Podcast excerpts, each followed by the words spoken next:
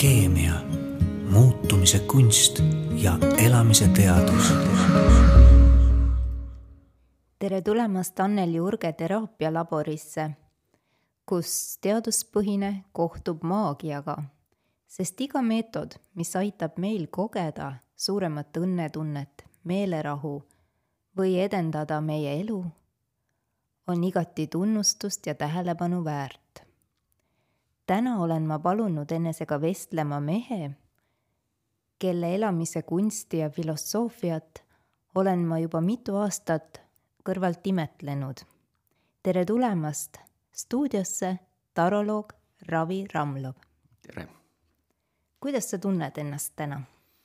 no kuidas me kõik praegu tunneme ühest küljest rahulikult, teisest küljest on meil kõigis ärevus. noh, ei saa ütelda, et maailm meid ei mõjuta. see on ju täiesti paratamatu. me elame kõige selle keskel, mis toimub. paraku nii see on. ma kuulasin siin enne meie vestluse toimumist sinu eelnevat intervjuud, mis oli salvestatud Raadio kahe stuudios ja see oli pealkirja all Halloo kosmos mm. -hmm.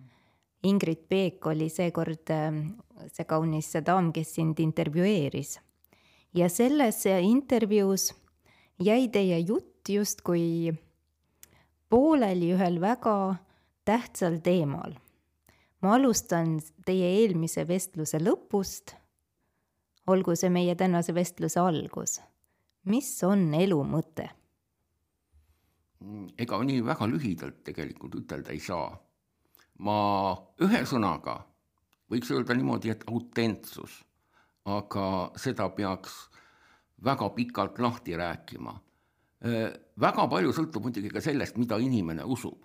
näiteks minu usk on väga tugevalt ikkagi reinkarnatsiooni, mitmete elude ja mitmekordse maailmas viibimise keskne, mis tähendab, et seda kõike läbivad kindlad teemad. ühesõnaga, me oleme jõudnud oma arengus ennem sündimist mingisse punkti ja sellest punktist tulenevad kindlad läbivad teemad. Neist kindlast läbivatest teemadest tuleb see, kes me nagu oleme või meie põhiolemus. ja nüüd äh, elu mõte on elada võimalikult autentselt ja kooskõlas selle olemusega võiks isegi ütelda, et eh, ehkki on olemas tõesti ka üldinimlik eetika, üldinimlikud normid, aga meil kõigil on veel terve rida norme, mis on, tulenevad mitte sellest, mis on eh, üldine, vaid eh, autentsusest omaenda, noh, ütleme, seda nimetatud ka seemneks või omaenda mm, selliseks teeks, me peame olema otsekui sellega kooskõlas. ja, ja elu mõte nii nagu ma seda praegu näen, on otsekui selle tee väljaselgitamine ja iseendani jõudmine. kas sina oled jõudnud selle teadmiseni, mis on see sinu tee ja, ja mis on sinu selles maailmas viibimise eesmärk? ma arvan, et ma olen jõudnud kuskile noh, ütleme neli viiendikku sellest sibulast lahti koorida, ütleme niimoodi. Ja üks viiendik on ilmselt veel koorimata, ehk ja isegi võib juhtuda täiesti niimoodi, et äh, ma ei välista sellist võimalik, et sel hetkel, kui me selle viimase viiendiku lahti koorime, saabki meie elu läbi. et nagu, nagu see ongi nagu põhimõtteliselt see point, kui me oleme lõplikult selle viimase mm, punktini jõudnud, siis ähm, on käes nagu see hetk, kus peame järgmist sibulat koorima minema. nii et võib järeldada, et mõned inimesed jõuavad selleni teadmiseni juba varem ja mõnedel inimestel võtab see ka selles elus pikemalt aega. ka see on võimalik ja, ja see, milliseid erinevaid teid või milliseid erinevaid eesmärke võib olla, on tohutult äh, erinevad need on tohutult mitmekülgne ja vot see ongi üks põhjus, miks inimesed nagu ei peaks üksteisega ennast väga võrdlema. me ei tea, milline tee on sellel meie ligimesel, kes on meie kõrvale sattunud ja noh, on vahel kurb, kui väga erinevate inimest, erinevate teedega inimesed satuvad lihtsalt niimoodi kõrvuti, sest nad hakkavad hõõruma aga kas, kui uskuda, et miski pole juhuslik, võib-olla ka sellel on oma tähendus, et äh, inimesed satuvad kõrvuti, nad õpetavad üksteisele midagi, mida nad veel ei teadnud. just, ta tõmbab välja äh, selle, mis on pinge ja väga sageli sellises vaenulikus keskkonnas, kus inimene näiteks ei tunne ennast hästi, on tal tegelikult kaks valikut. kas kohaneda või saada hoopis rohkem iseendaks ja ka seda ma arvan, et see võib juhtuda, et see on ette määratud, kas me peame kohanema või saama rohkem iseendaks. ma enamasti ise oma elus olen sellistes olukordades, kus see keskkond on niimoodi, niimoodi sattunud, olen tõmbunud endasse ja säilitanud alati ennast, eh, mitte ei ole pigem kohanenud. Öeldakse, et kui inimene suudab mm, iseendaga kontakti saada, siis see välismaailm samamoodi peegeldab vastu pigem harmooniat kui ta on endaga konfliktis, siis saab ta seda ka välismaailmast.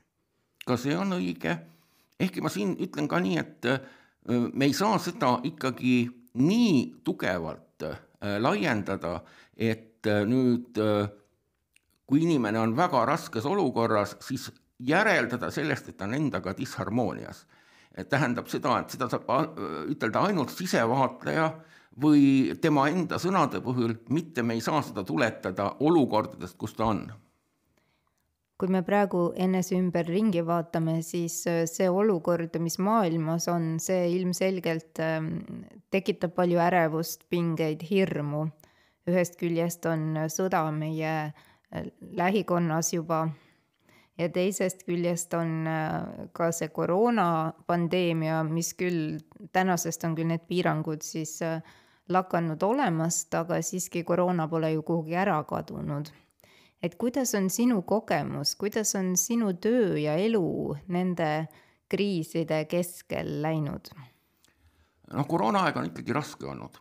ta on raske olnud sellepärast, et suur osa minu tööst on taroo õpetamine ja see eeldab äh, ideaalis grupitööd aga igasugune grupitöö on, on just koroona ajal olnud väga äh, raske, palju on piiranguid ja, ja on ka päris palju neid inimesi, kes ongi ära kadunud, äh, ei ole enam isegi ühendust võtnud. mis on huvitav, mm, on see, kui ma nüüd tegin eelmise aasta kokkuvõtet, juba üle-eelmisel aastal oli see tendents, aga eelmisel aastal veel rohkem, kui palju on tegelikult tööd läinud telefoni, internetikanalitesse, ühesõnaga, eh, kui palju on läinud asju eh, silmast silma kohtumise väliseks, ütleme nii. Eh, aga päris kõike ei ole võimalik mm, teha neti teel.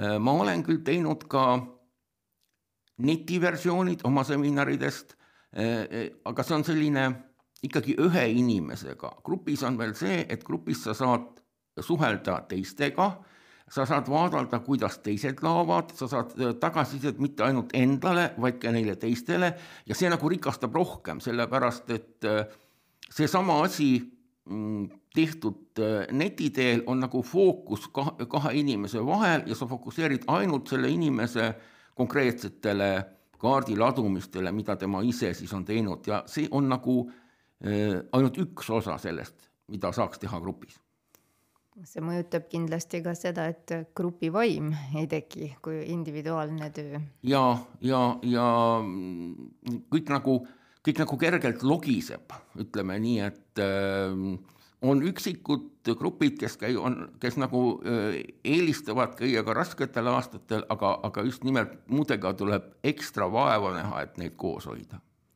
kas see koroonaaeg on toonud ka rohkem individuaalkliente sinu juurde? võib arvata, et inimestel on hirmud ja teadmatus tuleviku ees? ma ei oska ütelda, et see, see arv oleks nii märgatavalt suurenenud.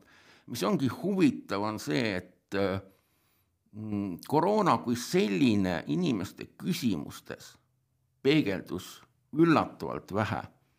Taheti ikka teada armastust, taheti ikka teada, kuidas äri läheb taheti ikka teada eneseteostuse võimalust, see koroona oli otsekui selline foon, mis seda kõike läbis, aga mitte keegi ei küsinud otse, noh, võib-olla, võib-olla keegi küsis, aga ma ei mäleta praegu, noh, sest ma tõesti ei, ei üritanud maksimaalselt ära unustada, mida inimesed küsivad, et ennast nagu sellega säästa. ja, ja see on just huvitav, et olgu ükskõik milline kriis inimeste elus on ikkagi peamine noh, need põhilised teemad, mis on alati olnud. inimesed siiski mõtisklevad oma tavateemadel, olgu ükskõik, mis neid ümbritseb. jah, isegi praegu, kui nüüd on Ukraina sõda, ta on peegeldunud klientide küsimustesse, noh, vot seda on muidugi nii vähe, kaks nädalat on nii väike aeg esialgu, et no ta võib veel tulla, aga ta on peegeldunud ainult nii palju, et küsitu, küsitakse oma lähedaste kohta, et kas temal ei ole mingit ohtu. aga, aga sellist laiemat öö, mõju ma veel ei näe. aga kas sa ise oled mõtisklenud selle üle, sõja kui nähtuse ja koroona kui nähtuse üle, et mis on selle põhjused ja kuidas on selle mõju inimkonnale, kas tarookaartidest võib ka need vastused saada? see on, kui keegi oskaks seda ütelda niimoodi saja protsenti, ma annaks talle Nobeli preemia, sellepärast et noh, igasugune kriis, ma nüüd räägin rohkem seda, kuidas ma viimasel ajal olen seda asja hakanud mõtlema, igasugune kriis on ju tegelikult mingisugune järelemõtlemise hetk. ta paneb meid asju ümber hindama, nägema asju teistmoodi. ta on võib-olla kõige rängem neile, kes öö, elus on üritanud võimalikult pealiskaudselt või lõbusalt läbi ajada sest nemad peavad korraga peatuma ja, ja neile võib see kõige suurem šokk olla, aga see on ainult minu oletus. sellepärast, et äh, kriisid on alati otsekui mm, kuidas selle kohta öeldakse, nagu kaalud, mis kaaluvad välja selle, mis jääb ja selle, mis kaob. just väärtuste mõttes, ma ei mõtle selle mõttes, mis, ma ei, ma ei mõtle siin inimesi, vaid mõtlen just väärtuseid. ja, ja see on aeg, kus võib-olla ka meil, meil kõigil on vaja mõtestada seda, mis on meie jaoks kõige väärtuslikum. mul on kogemus, et äh, inimesed ähm, on nendes kriisides ähm, just aru saama hakanud, mis on nende põhiväärtused ja mis on kõige olulisem ja hakanudki nende asjadega tegelema ja need asjad, millega nad ka seni on tegelenud üsna edukalt, on tihti tagaplaanile jäänud. aga see on ka väga loom-, loomulik, sest äh, mitte miski ei pane meid väärtuste üle mõtlema rohkem kui teadmine oma surelikkusest. Võiks öelda, et surm on meie suur sõber. miks? sellepärast, et alles siis, kui sa saad aru, et see võib tulla, hakkad sa aega hindama ja kui sa oled hakanud aega hindama, siis sa äh, hakkad hindama ka asju selle järgi, mida sinna selle ajaga võiks teha ja mida mitte teha. eks see on selline mm, suur väärtuste paika loksumise periood. Öeldakse, et surm on elu osa, aga samas on ka surm äh, midagi sellist, äh, mida inimesed tohutult kardavad, et eks see kõige hirmude baashirm olegi surmahirm. jah, ja, ja, ja samal ajal on ka, noh, mina väidan nii, et inimestes on korraga nii surmahirm kui surmaigatsus. kellel on ta suurem, kellel väiksem Äh, ja ma ennast tajun inimesena, kes on ühe jalaga siin elus, teise jalaga nagu ei olegi, kogu aeg olen tajunud. vahel on see tugevam, vahel on see, see nagu nõrgem. ja, ja sellepärast nagu mm, surm on ju alati see, mis äh, on näiteks äh, lõplik päästja, see, kes toob kannatustele lõpu, nii et ta on selline kummaline asi, mis on ühest küljest midagi väga koledat ja teisest küljest selline võib-olla kõige pehmem, kõige sõbralikum, kõige sellisem hellem, kes, kes nagu alati aitab. selles mõttes ta on väga-väga vastuoluline teema, on surm ja, ja minu arvates mm, meil ongi väga raske selle, selle teemaga midagi lõplikult sõnastada, sest äh, surm on ka selline asi, kus me oleme kõik täiesti ihuüksi. sellepärast, et me sündides võtab ema meid vastu kui võtab? nojah, või siis tänapäeval võtab võib-olla keegi teine, kätele võetakse laps igal juhul, noh, kui ta sealt äh, välja aidatakse, aga mm, surres on see hetk, kus me nagu laseme kõigest lahti ja, ja see viimane hetk me oleme täiesti üksi. ja, ja võimalik, et see on see hetk, milleks me peamegi valmistuma selles mõttes, et äh, mida rohkem me oleme selleks valmis, seda teadlikum me saame sellest läbi minna kui lugeda Tiibeti raamatut Elust ja surmast, siis seal on äh, päris mitmeid peatükke pühendatud just surmaks ettevalmistamisele, et äh, selle teooria kohaselt on ülimalt tähtis äh, lahkuda siit ilmast meelerahus. jah, no tegelikult see on paljudes suurtes religioonides on see ja see on see, mis on võib-olla nüüd uusajal siin läänes eriti, ma, ma ida kohta ei tea on nagu ära unustatud. et me, me ei oska surra, ma olen nagu puutunud päris palju kokku ka öö, elu tõttu selliste inimestega, kes on näiteks seniilseks jäänud ja, ja üks huvitav asi on, et need inimesed, nad on nagu väike laps, ta ei oska enam surra, seal ei ole seda tea-, teadvust. ja kui rääkida ideaalist, siis, siis alati äratab minus tõelist aukartust või need jutud indiaanlastest, kes nagu lähevad mägedesse ja ütlevad, täna on hea päev lahkumiseks.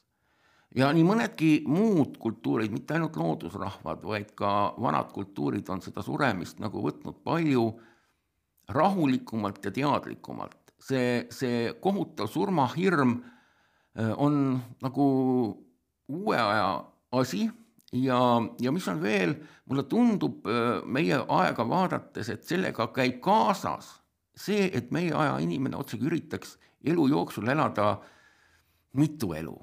ühesõnaga, ma ei ütle mitte tänapäeva inimese kohta, et see on inimesed, kes äh, äh, võidab see, kellel on suures, suures kõige rohkem asju, vaid pigem ma ütleksin nii, et võidab see, kellel on elus kõige rohkem elamusi, neid elamusi ahmitakse sisse noh, minu jaoks kõige võib-olla ilmekam näide on see, mis on toimunud reisimises, kus loeb kvantiteet.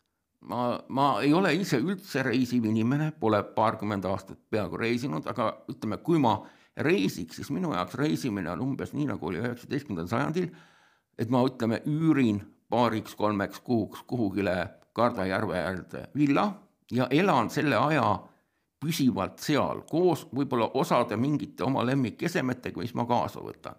Eh, mis on selle mõte, see on see, et eh, kolm, kolm-neli kuud on see aeg, kui sa jõuad juba sellesse keskkonda, sellesse kultuuri süveneda.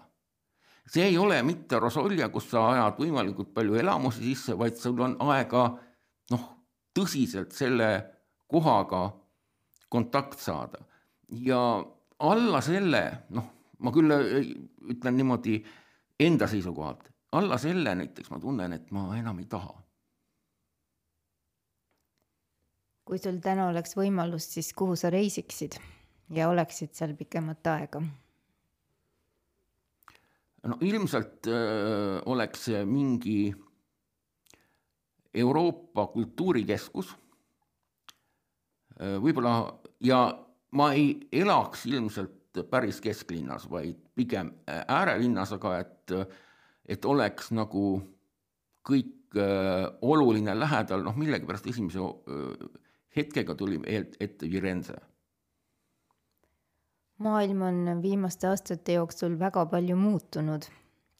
meil võib olla mingi illusioon, et need paigad, kus me oleme varem käinud, näevad samasugused kaunid ja puhtad välja, aga tegelikkus võib praegu hoopis teine olla kindlasti ja äh, võib-olla meie kujutelm maailmast ongi suuresti piltide, äh, lakeeritud filmide ja kõikvõimalike turismiajakirjade järgi.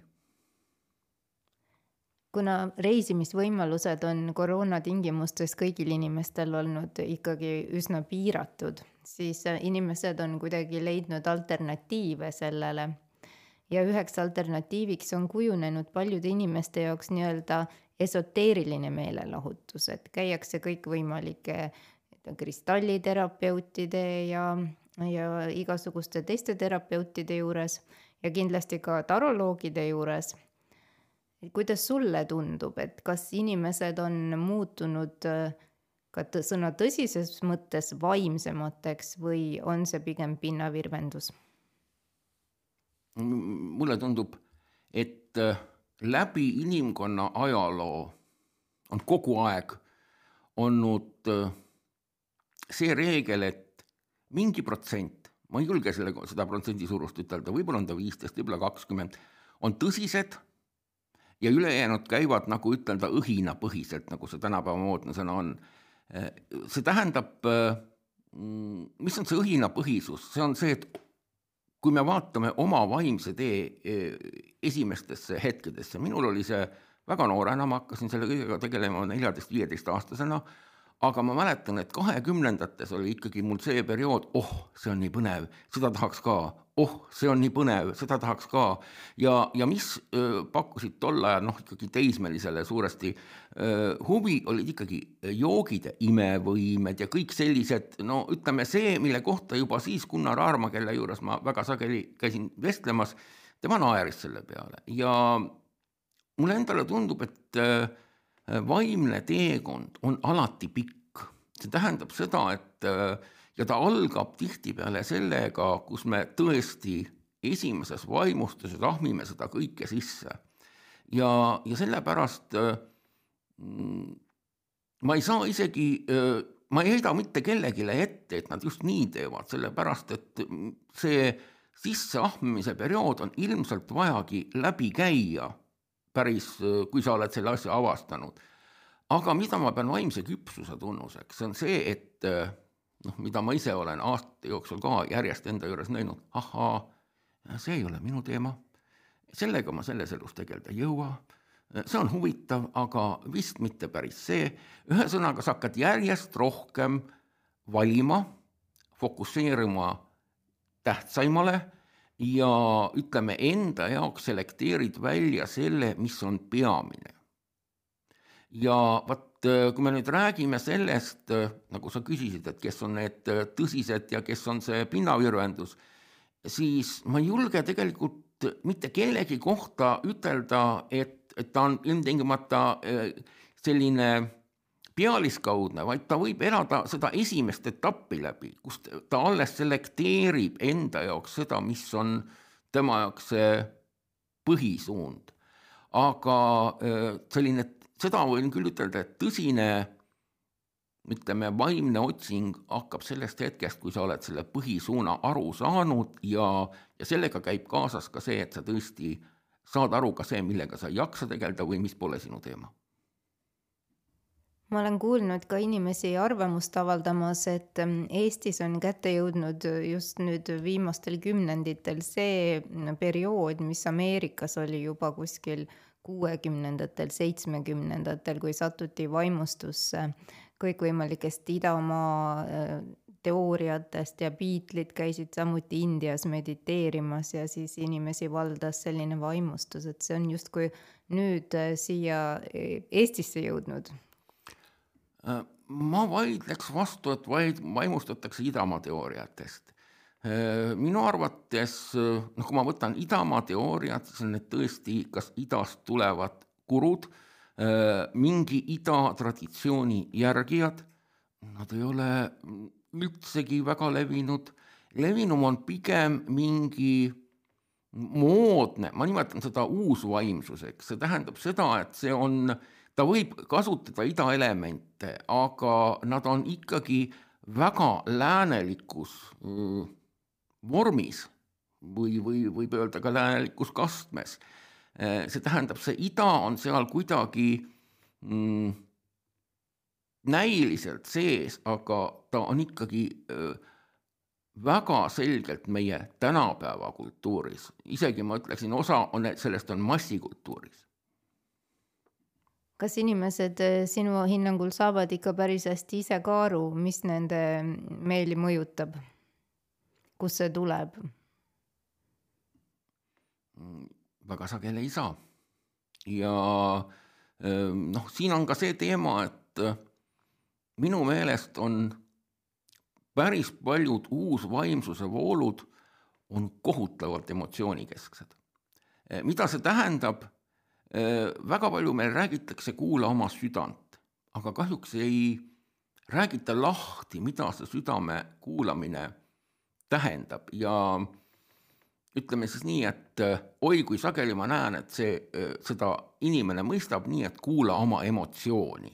see tähendab seda, et see, mida tema tundeid, tema õhin talle ette ütleb, selle järgi ka minnakse. ja vot siin on see, see, see minu arust üks suur probleem just nimelt ähm, selles, et südame hääl kui selline on väga vaikne.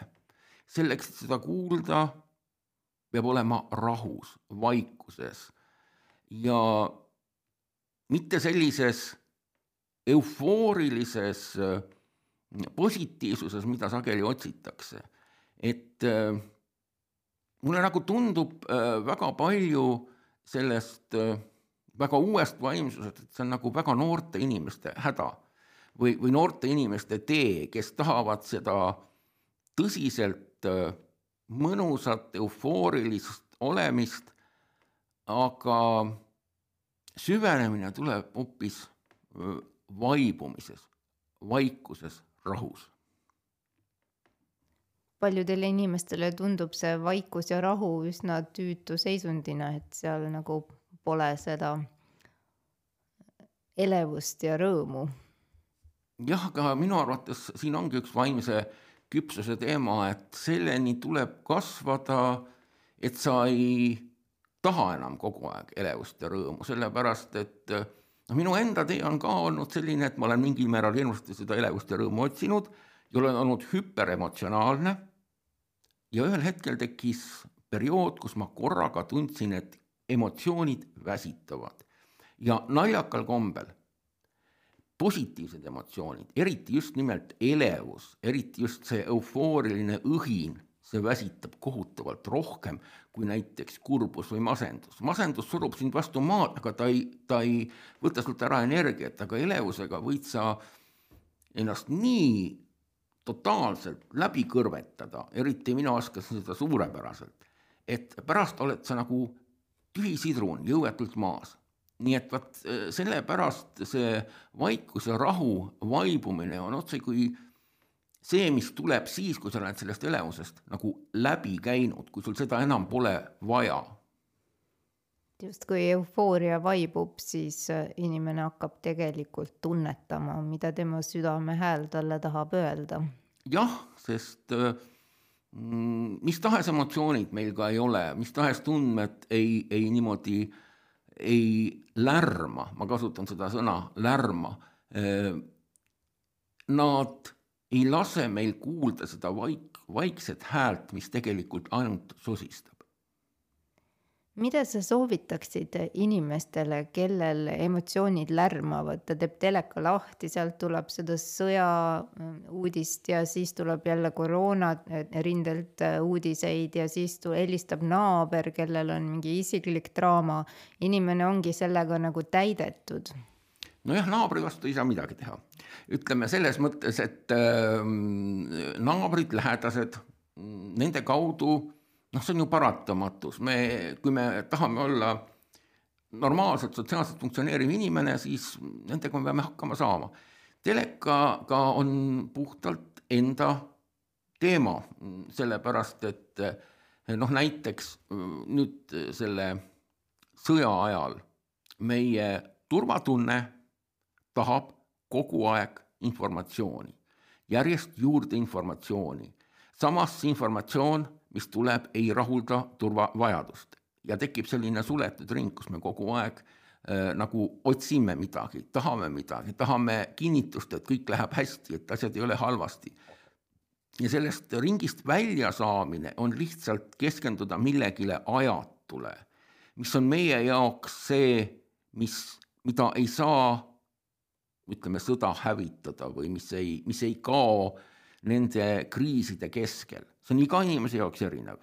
ja, ja on väga palju inimesi, kes võib-olla ei olegi seda leidnud, aga kes on leidnud, nende jaoks on see suur pluss, sest nad saavad selle ajatu peal otse kui eh, ennast eh, sellest lakkamatust infosõltlusest välja viia. mis on sinu jaoks see ajatu, millele sina oma tähelepanu koondad? minu jaoks on jah, viimased, peaaegu terve elu, aga viimased aastad eriti olnud just äh, kultuur, eriti kirjandus, varem rohkem muusika, ehkki, aga muusikast ma olen viimasel ajal lihtsalt äh, mingil põhjusel kaugenenud. ma kuulan muusikat, aga äh, ta ei ole enam selline primaarne, nagu ta oli veel paar, kolm-neli aastat tagasi. aga, aga nüüd on jah, just nimelt kirjandus, klassikaline kirjandus, kirjanduse selline tuumakam osa, mingil määral sinna kõrvale filosoofia, mingil määral esseistika, ma tohutult naudin just esseede kogu, kogumikku, publitsistikat, ehk siis seda võiks kokku võtta, see vaimne väärtus või vaimne varandus, mida inimkond on loonud.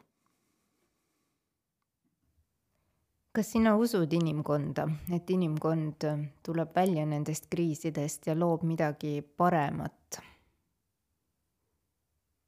üldiselt usun küll. no kui ma ei usuks, vaata, sellega on ka selline küsimus, kui me ei usu enam inimkonda, siis äh, tulemuseks või tagajärjeks on kibestumine. ma olen näinud äh, päris palju äh, huvitavaid inimesi ja, ja ütlen ka häid inimesi, kellega ma olen kohtunud just Facebookis. Neil on süda omal kohal ja ma näen, et neis on hakanud kaduma või lausa kadunud usk inimkonda. ja see inimene muutub äh, kibedaks, mürgiseks ja miski väga oluline läheb kaduma, sellepärast ma ütlen nii, et usk inimkonda, usu säilimine inimkonda on võib-olla vajalik meile endale. sellepärast, et kui see kaob, siis äh, tekib üldse mõte, milleks see kõik. viimasel ajal on inimesed äh, arutlenud ka kõikvõimalike superkangelaste teemade üle, sest et olukord on ikkagi suhteliselt masendav ja näha on, et isegi ükskõik kui palju on lääneriigid konsolideerunud, Ukraina sõda kestab ikka edasi ja inimlikul kannatusel pole piire. et inimesed on justkui taas äh, avastanud usu niisugustesse superkangelastesse, olgu need siis need ämblikmehed või Batmanid või, või mis iganes ähm, üleloomulikud jõud, mis võiksid appi tulla, et seda olukorda siis äh, inimkonnale kasulikul teel lahendada. Kuidas sulle tundub? nojah, aga muinasjutud on inimestele ju alati meeldinud. Mina näen, ma, ma ei näe mingit vahet Marveli koomiksite järgi tehtud filmidel, mida ma olen ise ka vaadanud, või näiteks Krimmi muinasjuttudel või, või erinevate maade rahvajuttudel. Nad, vorm erineb. Võib-olla erineb ka väga palju see, mingi ideoloogia seal taga, aga nad on oma olemuselt muinasjutud ja muinasjutud tegelikult ju alati lõpevad hästi, nad on toonud, nad on selleks, et anda lootust, anda lootust imedele ja lootus on jälle see asi, mis hoiab meid üleval. nii et äh, noh, ma näen, ma näen seda, et on olemas ka lisaks esoteerikale, on olemas ka kaasaegne mütoloogia. tähendab seda, et mitte kõik, mida inimesed usuvad või millest nad räägivad, ei ole mõeldav nagu reaalsuse või isegi vaimse arengu mõttes, vaid on täiesti olemas ka selline asi nagu tänapäeva mütoloogia, mis on äh, mis on müütilise mõtlemise osa. kas sinu kogemust mööda on palju neid inimesi, kes eelistavad sellele realistlikule lähenemisele pigem sellist mütoloogilist sinu tutvusringkonnas? üldiselt väga palju ei ole ja ma pean ütlema, et kui inimesed sellesse väga ära lähevad, siis kaob nendega kontakt tähendab seda, et, et osa sellest nagu müütilisest mõtlemisest on ikka selline, mis nagu on vahesein, mis tekib inimeste vahele.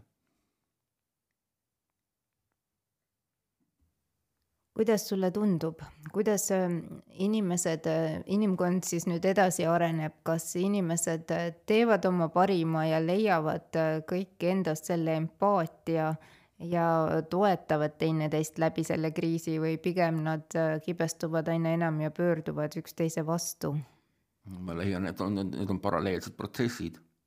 mingi osa leiavad empaatia, mingi osa kibestuvad ja, ja noh, lõppkokkuvõttes, kui me tahame püsima jääda, siis see esimene osa, kes leiavad empaatia, see peaks olema suurem. aga näiteks ma ei, mitte kunagi ei taha ütelda sellist üldiselt kehtivat, et kõik leiavad empaatia või, või kõik kibestuvad, ei, see on, see on selline teema, et, et vähemasti nii kaua, nii kaugele, kui mina inimkonda praegu näen, jääbki inimkond selliseks vastuoluliseks, äh, selliseks, kus erinevad äh, fraktsioonid on, erinevad äh, liinid jooksevad paralleelselt ja meil on kogu aeg vabalt valida, kas me siis leiame empaatia või kibestume. et igal inimesel enda sees on see valiku võimalus ja vabadus. väga palju on meie sees, ma usun, et see, see valik on meil kõigil endil olenemata siis või olenevalt sellest, kui ajupestud me oleme? no ajupesu on hoopis teine asi, minu arust selle mõttega äh, ajupesu äh, ideega tohutult liialdatakse. sellepärast, et äh, äh, ajupesu, see on, see on otse kui mingi pidevalt korratava propaganda mõjus olemine ja ma ütleks isegi nii, et, et isegi ma ei julge ajupestuks nimetada kõiki inimesi, kes näiteks on mingis totalitaarses režiimis, sest ajupesu, see on väga spetsiifiline tehnika. et eh, ehk siis on, on propaganda ja sellest mitu korda kangem on ajupesu ja, ja minu arvates seda ajupesu oi, oi, oi, kui palju kasutatakse demagoogiliselt üks asi on poliitiline propaganda ja ütleme ka seal ajupesu, aga on ka igasuguseid kõikvõimalikke nii-öelda jutumärkides vaimseid teooriaid, mis inimesi nagu mõjutab mm. -hmm. näiteks on ju ka, oled kuulnud äh, lamemaa teooriast ja, ja seda, et reptiilid tegelikult juhivad kõiki protsesse, mis maal toimub, inimestel polegi seda võimu mm. -hmm no siin on kaks huvitavat asja eh, selle teema juures, esiteks kui me räägime, vaatame neid inimesi, kes usuvad eh, väga tõsiselt konspiratiivteooriatesse, siis eh, ühte ma olen küll tähele pannud, et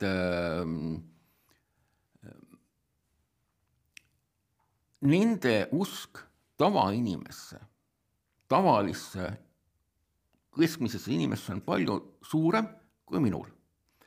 ehk siis öö, mina ütlen, et maailmas need asjad on nii, nagu nad on ja noh, vahel ka lähevad nihu, vahel lihtsalt on, logisevad, on sellepärast, et me inimestena oleme kõik ebatäiuslikud. me oleme laisad, me oleme vahel lollid, me oleme manipuleeritavad, meil on instinktid, mis veavad sinna suunas, kuhu me ei taha, ehk siis nagu, nagu mingi vene mõtleja, kas oli üks peaminister, ütles, et tahtsime parimat, aga välja kukkus nagu ikka. no põhimõtteliselt see on see, mida kristlus nimetab päris patuks. ühesõnaga see, et me äh, ei ole iseenda peremehed nii palju, et me inimestena läheks sinna suunas, kuhu me, meie parim tahtmine meid viib. ja vot see asjaolu minu arvates selgitab suurt hulka kõike seda, mida seletatakse konspiratiivteooriaga. aga nüüd äh, ma pean ütlema, et need inimesed, kes usuvad mingit vandenõuteooriat, nemad jälle usuvad, et see tavaline inimene või lihtne inimene on palju targem, palju parem ja kõik juhtub sellepärast, et kusagil on noh, need ma ei oskagi ütelda, kes need alati on, sest äh, neil on nimetusi palju, no aga need kurjad jõud, kes põhimõtteliselt siis asjad tuksi keeravad. ja no psühholoogiline põhjus on nüüd minu, minu teooria, ma tunnen, et nad nagu, see on nende viis uskuda inimkonda. just nimelt sellesse tavalisse keskmisesse inimesse. mina suudan inimest näha heana ja mm, ütleme, täiesti armastusväärsena ka siis, kui ta on selline noh, kuidas öelda, vähekene niimoodi vigadega, nagu ta on. ja kõik aeg-ajalt läheb niimoodi nässu. aga mulle tundub, et osad inimesed vajavad seda teadmist, et inimene on ikkagi hea ja kuskil need kurjad põhjustavad seda. ja elu ongi siis see hea ja kurja vaheline võit-, võitlus nagu valguse ja pimeduse vahel. aga see on peamiselt meie enda sees, mitte väljas, vaid meie sees, meie kõigi sees on see pimedus, meie kõigi sees on see valgus ja, ja võitlus toimub öö, kogu aeg meis justkui see oma varju teadvustamine, mida Carl Jung propageeris, et ja. omaks võtta ka oma mitte nii head omadused. jah, ja, ja, ja eks siin on ka see, mida me sinna varju nüüd äh, liigitame, see on ka ilmselt erinevatel inimestel erinev, noh, mina näiteks äh, liigitan sinna suure osa meie instinktiivsest osast. Äh, miks, sest see läheb tööle meist sõltumatuna ja mida rohkem inimene on oma instinktide üle peremees, seda teadvustatum ta on. ja kui me nii võtame, siis isegi me ei saa võib-olla ütelda, et see on hea ja kurja võitlus, võib-olla see sõna kuri on üldse hästi suur liialdus, sest see on see, et me tahaks millelegi anda sellist väga jäika või, või lajatavat nimetust, aga see on erinevad omadused meie sees, ühed, mis on konstruktiivsed, mis viivad edasi ja teised, mis mis suruvad meid alla või, või on destruktiivsed. Kas need omadused väljenduvad ka tarookaartides nende ladumisel, et inimene tegelikult, kui ta neid äh, ladumisi teeb või keegi teeb talle, siis tegelikult äh, need annavad hea ülevaate inimese hetkeseisundist, meeleseisundist, mis emotsioonid seal võimust on võtnud. Mingil määral kindlasti, ainult et tarooga on üks huvitav asi, mis on just viimastel aastatel mul endal väga selgelt äh, nagu ette löönud, see on see, et äh, iga kaart võib olla konstruktiivne ja destruktiivne äh,. ei ole mitte niimoodi, et mingi kaart on äh, konstruktiivne, vaid mingis olukorras see omadus või käitumisviis või teema on korraga destruktiivne, teises olukorras on ta täiesti omal kohal. Sa pead olema ka väga hea psühholoog, et seda erinevate inimeste puhul ära tajuda. noh, ilmselt küll aga kuidas see teadmine sinule tuleb, kui inimene sinu juurde tuleb, sa tihti ei tunnegi seda inimest, et kui sa need äh, kaardid laiali laod, siis tekib mingi pilt, kujutluspilt temast sinu ette. aga kust tuleb sul see teadmine, see, kuidas sa neid kaarte tõlgendad just sellele konkreetsele inimesele? Aga ega ma seda sajaprotsendiliselt ei oskagi äh, välja ütelda, sest see on, see on alateadlik sünteetilise taju ja, ja mõtlemise koostöö.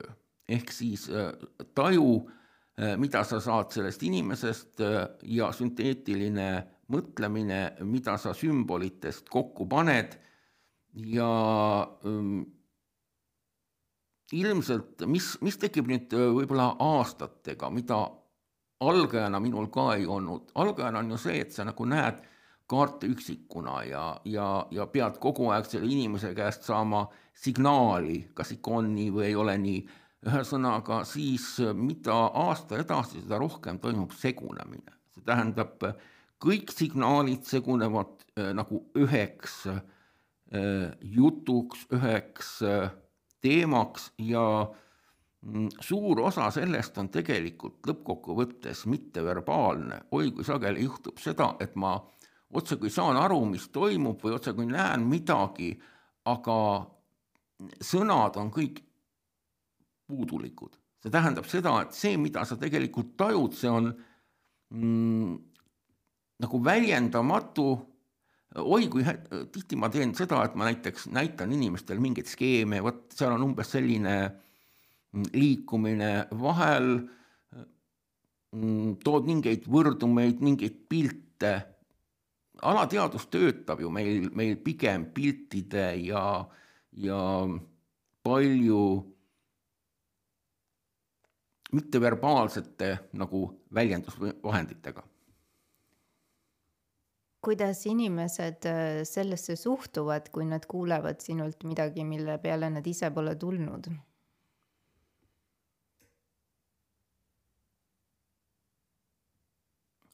sest see juurdepääs alateadvuste nii-öelda sümbolitele ei ole igal inimesel nii igapäevane, et nad ei, ei võta neid kuulda, isegi kui need sümbolid neile mingeid äh, sõnumeid saadavad. üllatavalt palju on tegelikult seda, kus inimene tegelikult ise seda kõike juba teab. et äh, ma pigem ütleks, et inimesed tajuvad ennast, oma asju maailma palju paremini ja see põhjus, miks ütleme, käiakse väga tihti kusagil kellegi juures, on kinnituse otsimine eh, ja nagu selleks, et keegi selle sõnastaks. Noh, kui ma mõtlen, kui ma ise kellegi juurde läheks, ma pole nüüd ammust aega kedagi käinud, ma küll käin enamasti astroloogide juures, siis ka rohkem selleks, et eh, minus on teatav segadus, aga selle segaduse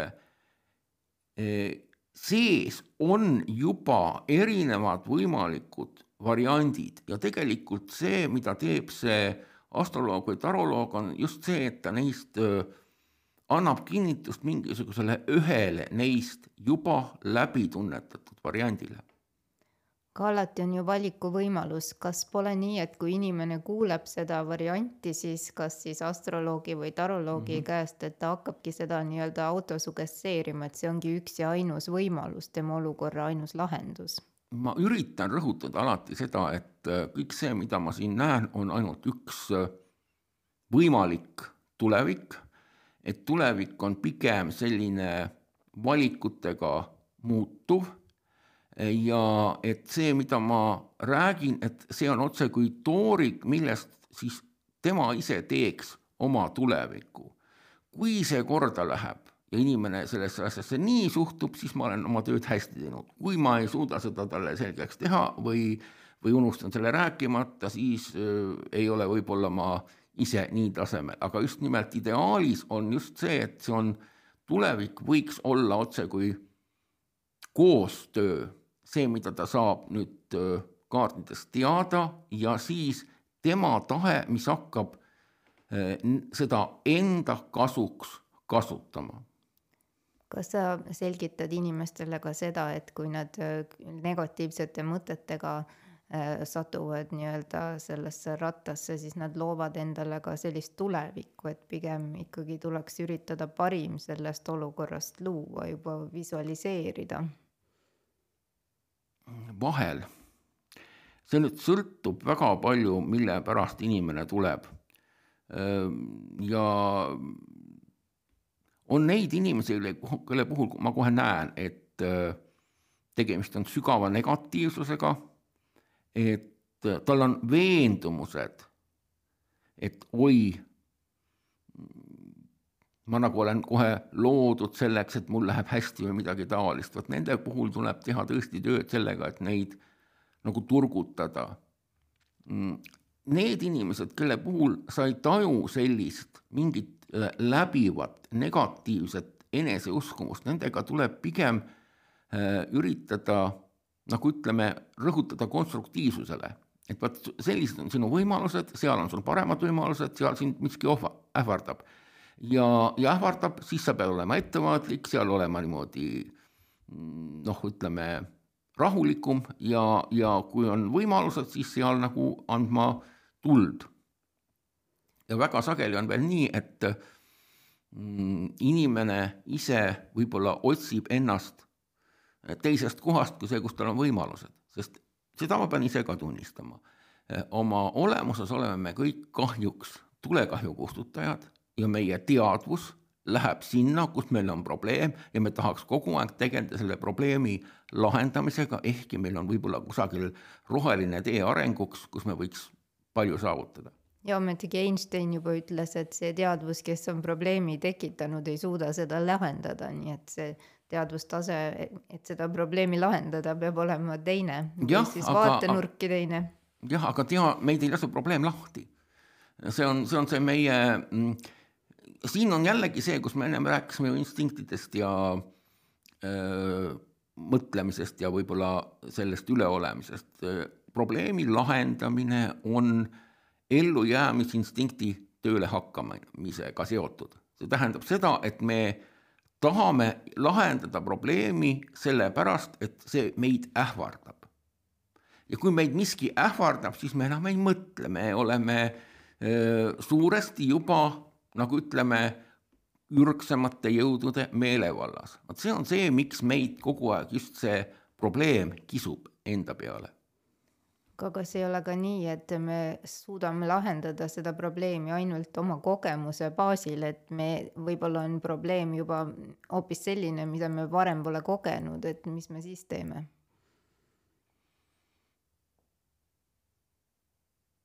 vot see kui me oleme, kui on miski täiesti ootamatu, siis ongi ilmselt kõige keerulisem olukord, aga noh, mis ma praegu tajun, kui ma panin silmad kinni, äh, meie aju hakkab otsima analooge. tegelikult igasuguses ootamatus olu, olukorras me äh, hakkame otsima analoogi, kust see võiks olla võimalik ja see on esimene võimalus, kui on see väga kiire, siis läheb instinkt tööle, siis ta töötab täiesti niimoodi, et me ei saa aru ka, ka seda ma olen iseenda elus ka kogenud, kui on ikka suur oht või suur selline eh, kriis, siis korraga on sul äh, seitsmes käik sees, eh, tööd, teed seal paar-kolm päeva niimoodi, et äh, ise ka aru ei saa ja pärast hakkad analüüsima, siis mõtled, kust see kõik tuli. aga see on juba see, kui läheb tööle mingisugune väga ürgne või väga algne instinktiivne programm. Võitle, põgene või teeskle surnud. jah, just. kui sa nüüd vaatad täna enda ümber, siis mis oleks sinu soovitus inimestele? selles olukorras, kus me täna oleme? ega ma, vot see on, see on selline raske küsimus, sellepärast et äh, ega ei ole ju sellist äh, kõigile toimivat soovitust, sellepärast et noh, mina ise olen tajunud, et äh, meediaga tuleb pidada õiget doosi. kui sa üldse ei vaata, siis hakkab miski kripeldama, kui sa pidevalt vaatad, äh, hakkab see ajudele käima. Äh, ühesõnaga, ja, ja seda ma ka tajun, et mina ei süüdista alati meediat selles, et ta otsib negatiivset välja, esiteks negatiivne muidugi müüb, aga teiseks, kõik ajakirjanikud on inimesed, neil on ka oma ärevus, omad hirmud ja ükskõik, mida me ei kirjuta, mida me ei tee, meie emotsioon läheb sinna sisse. see tähendab seda, et tegelikult väga sageli me meediast saame ka selles osalevate ima, inimeste emotsiooni ka veel. ja, ja vot võib-olla see on üks põhjus, et, et ei toimuks seda emotsiooni ülekandumist, siis äh, otsida selliseid rahulikke neutraalseid käsitlusi, mitte kasutada väga kõmulisi allikaid, kes noh, just nimelt seda emotsiooni üles klopib. ja muidugi keskenduda sellele, mis enda jaoks on kõige olulisem. kui nüüd inimene meid kuulab ja, ja avastab enda jaoks tarookaardid, mis on siis sinu soovitus, kas kas pigem ikkagi tulla ja professionaalselt nõuannet küsida või hakata ise vaikselt äh, nende mm, juhtnööride järgi seda avastama? no vot, eks kõik professionaalid on kunagi alustanud niimoodi ise avastamisega, aga äh, noh, mina nagu ütleksin ühte asja. Ähm, vaadates ja räägin kohe endast paarkümmend aastat tagasi, et mis on see vahe algajal ja professionaalil. algaja näeb kahjuks kõike kohutavalt kontrastsena. väga halb kaart on hirmus halb, kohe kukub taevas kokku, kohe midagi hirmsat juhtub ja väga hea kaart on selline õudselt hea, nüüd asi tuleb iseenesest, mulle õnn saabub õuele, see tähendab seda, et millegipärast alguses me näeme asju no kohe tohutult palju kontrastsemana kui niimoodi kogenunana.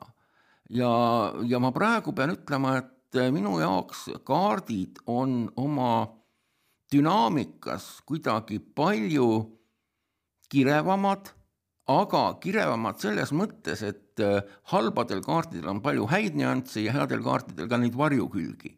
ehk siis võiks öelda niimoodi, et tähendusi on kümneid kordi rohkem ja muidugi eh, see algne võib-olla see kontrast, mis oli, et on ainult mustad ja ainult valged ja väga head kaardid ja väga halvad kaardid, see kaob ära. Ja vot võib-olla mida ma algajatele kõige rohkem nagu soovitaks või, või eh, noh, ma seda ongi väga raske niimoodi ühe ja kahe sõnaga ütelda, on see, et, et ei näeks nii dramaatiliselt, sest mul on küll selliseid juhuseid, kus näiteks sõbranna on ladunud äh, teisele sõbrannale kaarte, ütelnud, oi, ma pole elu sees nii raskeid kaarte näinud, siin on kõik ainult halvasti. no loomulikult sellise lause peale teine on juba näost valge ja, ja tekib kohutav selline hirm.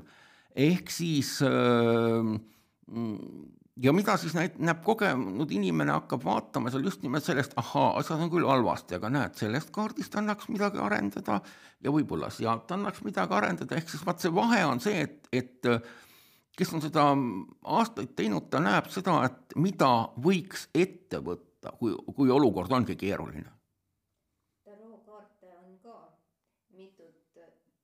tarookaarte on ka mitut liiki mm, -hmm. et äh, kuidas äh, sina, kas ähm, on sul mingi oma lemmikpakk või, või on sul ähm, mitu eelistust või mida sa soovitaksid, kui keegi peaks alustama? no mina kasutan peamiselt äh, Waiti süsteemil põhinevaid kaarte sündmuste jaoks ja Osho Zendarood siis emotsioonide jaoks. mõned pakid on mul veel lisaks äh, erinevateks äh, juhtumiteks, aga noh, need on nagu põhilised, aga vaat see juba see Waiti kaardide hulk, mis selle süsteemi peal on, on tegelikult ääretult suur. Äh, Rider Waite on võib-olla kõige tugevam äh, või tuntum, siis on seal veel Radiant Tarot ja, ja palju muudki. see on pildisüsteem, noh, ütleme tihtipeale on ta erinevalt joonistatud, aga see situatsioon on sama. ja, ja selline Waiti süsteem on minu jaoks just hea sellepärast, et ta on hästi praktiline, hästi sündmustekeskne. olen kasutanud ka kunagi Alistair Crowley tarood, mm, see on mul nagu ütelda kodus iseenda jaoks, äh, endale laon, aga klientidega pole viimasel ajal kasutanud see on nagu niimoodi, vaatleb otsekui asju energiatena, mingise asja voolamisena. Osho on hingele, ta analüüsib emotsioone, tundeid, intuitsiooni ja seda, mis toimub meie sisemaailmas. vot need on need, millega ma olen siis võib-olla kõige rohkem töötanud kui klient sulle tuleb, kas sina teed selle valiku, millist pakki kasutada või, või sa äh, ennem konsulteerid kliendiga, võib-olla tal on omad soovid või kuidas see lahendatakse? Äh, pakk tuleneb küsimusest.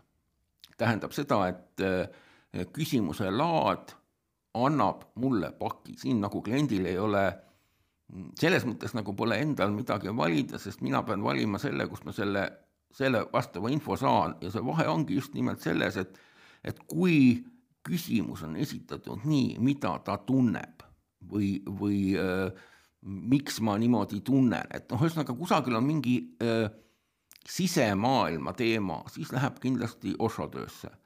kui on sündmused, siis on kõik need muud pakid.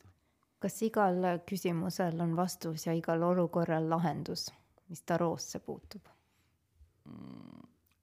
Aeg-ajalt on ka selliseid äh, küsimusi, mille puhul vastust ei saa. Äh, selleks on erinevaid kaarte näiteks pakkides, kus on valge kaart, neid on mul küll praegu kasutusel ainult üks, seal on selline, selline äh, reegel, et kui peale küsimust valge kaart on esimene, siis seda küsimust vaadata ei tohi. Aga mitte ainult see ei ole blokeeriv, vaid on veel terve hulk kaarte, mis ütlevad näiteks äh, kas või sellist asja, et sel hetkel, kui sina tuled äh, siia minu juurde, on äh, liiga paljud otsused veel õhus. tähendab seda, et see on selline hetk, äh, kus otse kui saatuse mündid on sinna üles visatud, aga alla pole veel kukkunud. ja see on mingisugune selline vahepealne hetk, kus parasjagu küsida ei saa, nii et ma seda olen küll tajunud, et on hetki, kus ei saa küsida, siis on sellised üllatuse kaardid, mis ütlevadki, et asi lõpeb üllatusega.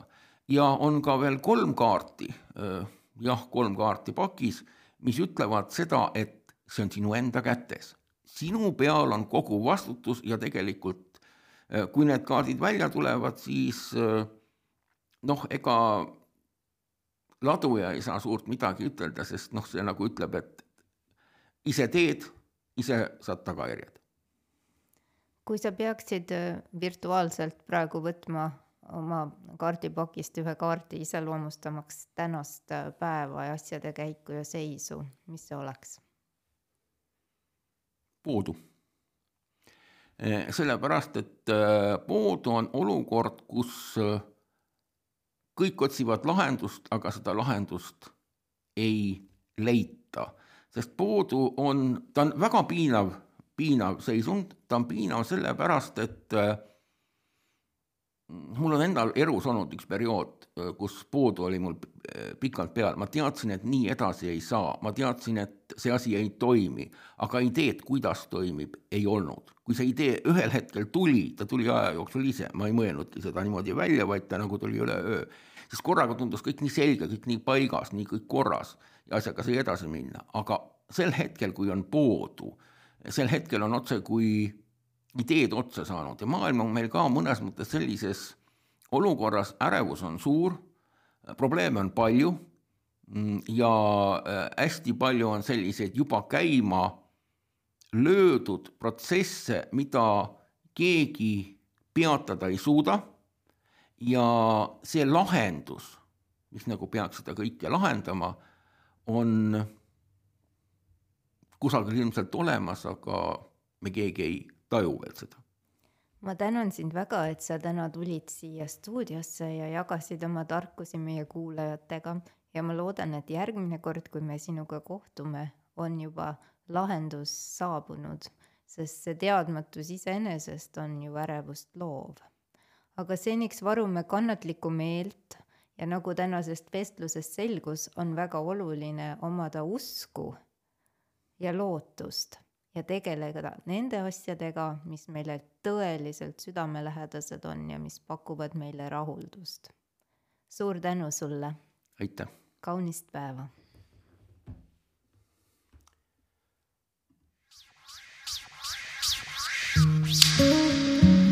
alkeemia, muutumise kunst ja elamise teadus. alkeemia taskuhääling toob teieni huvitavat ja harivat keha, hinge ja meele vallast. kuula ja loe alkeemia.ee, leia meid ka Facebookist ja Instagramist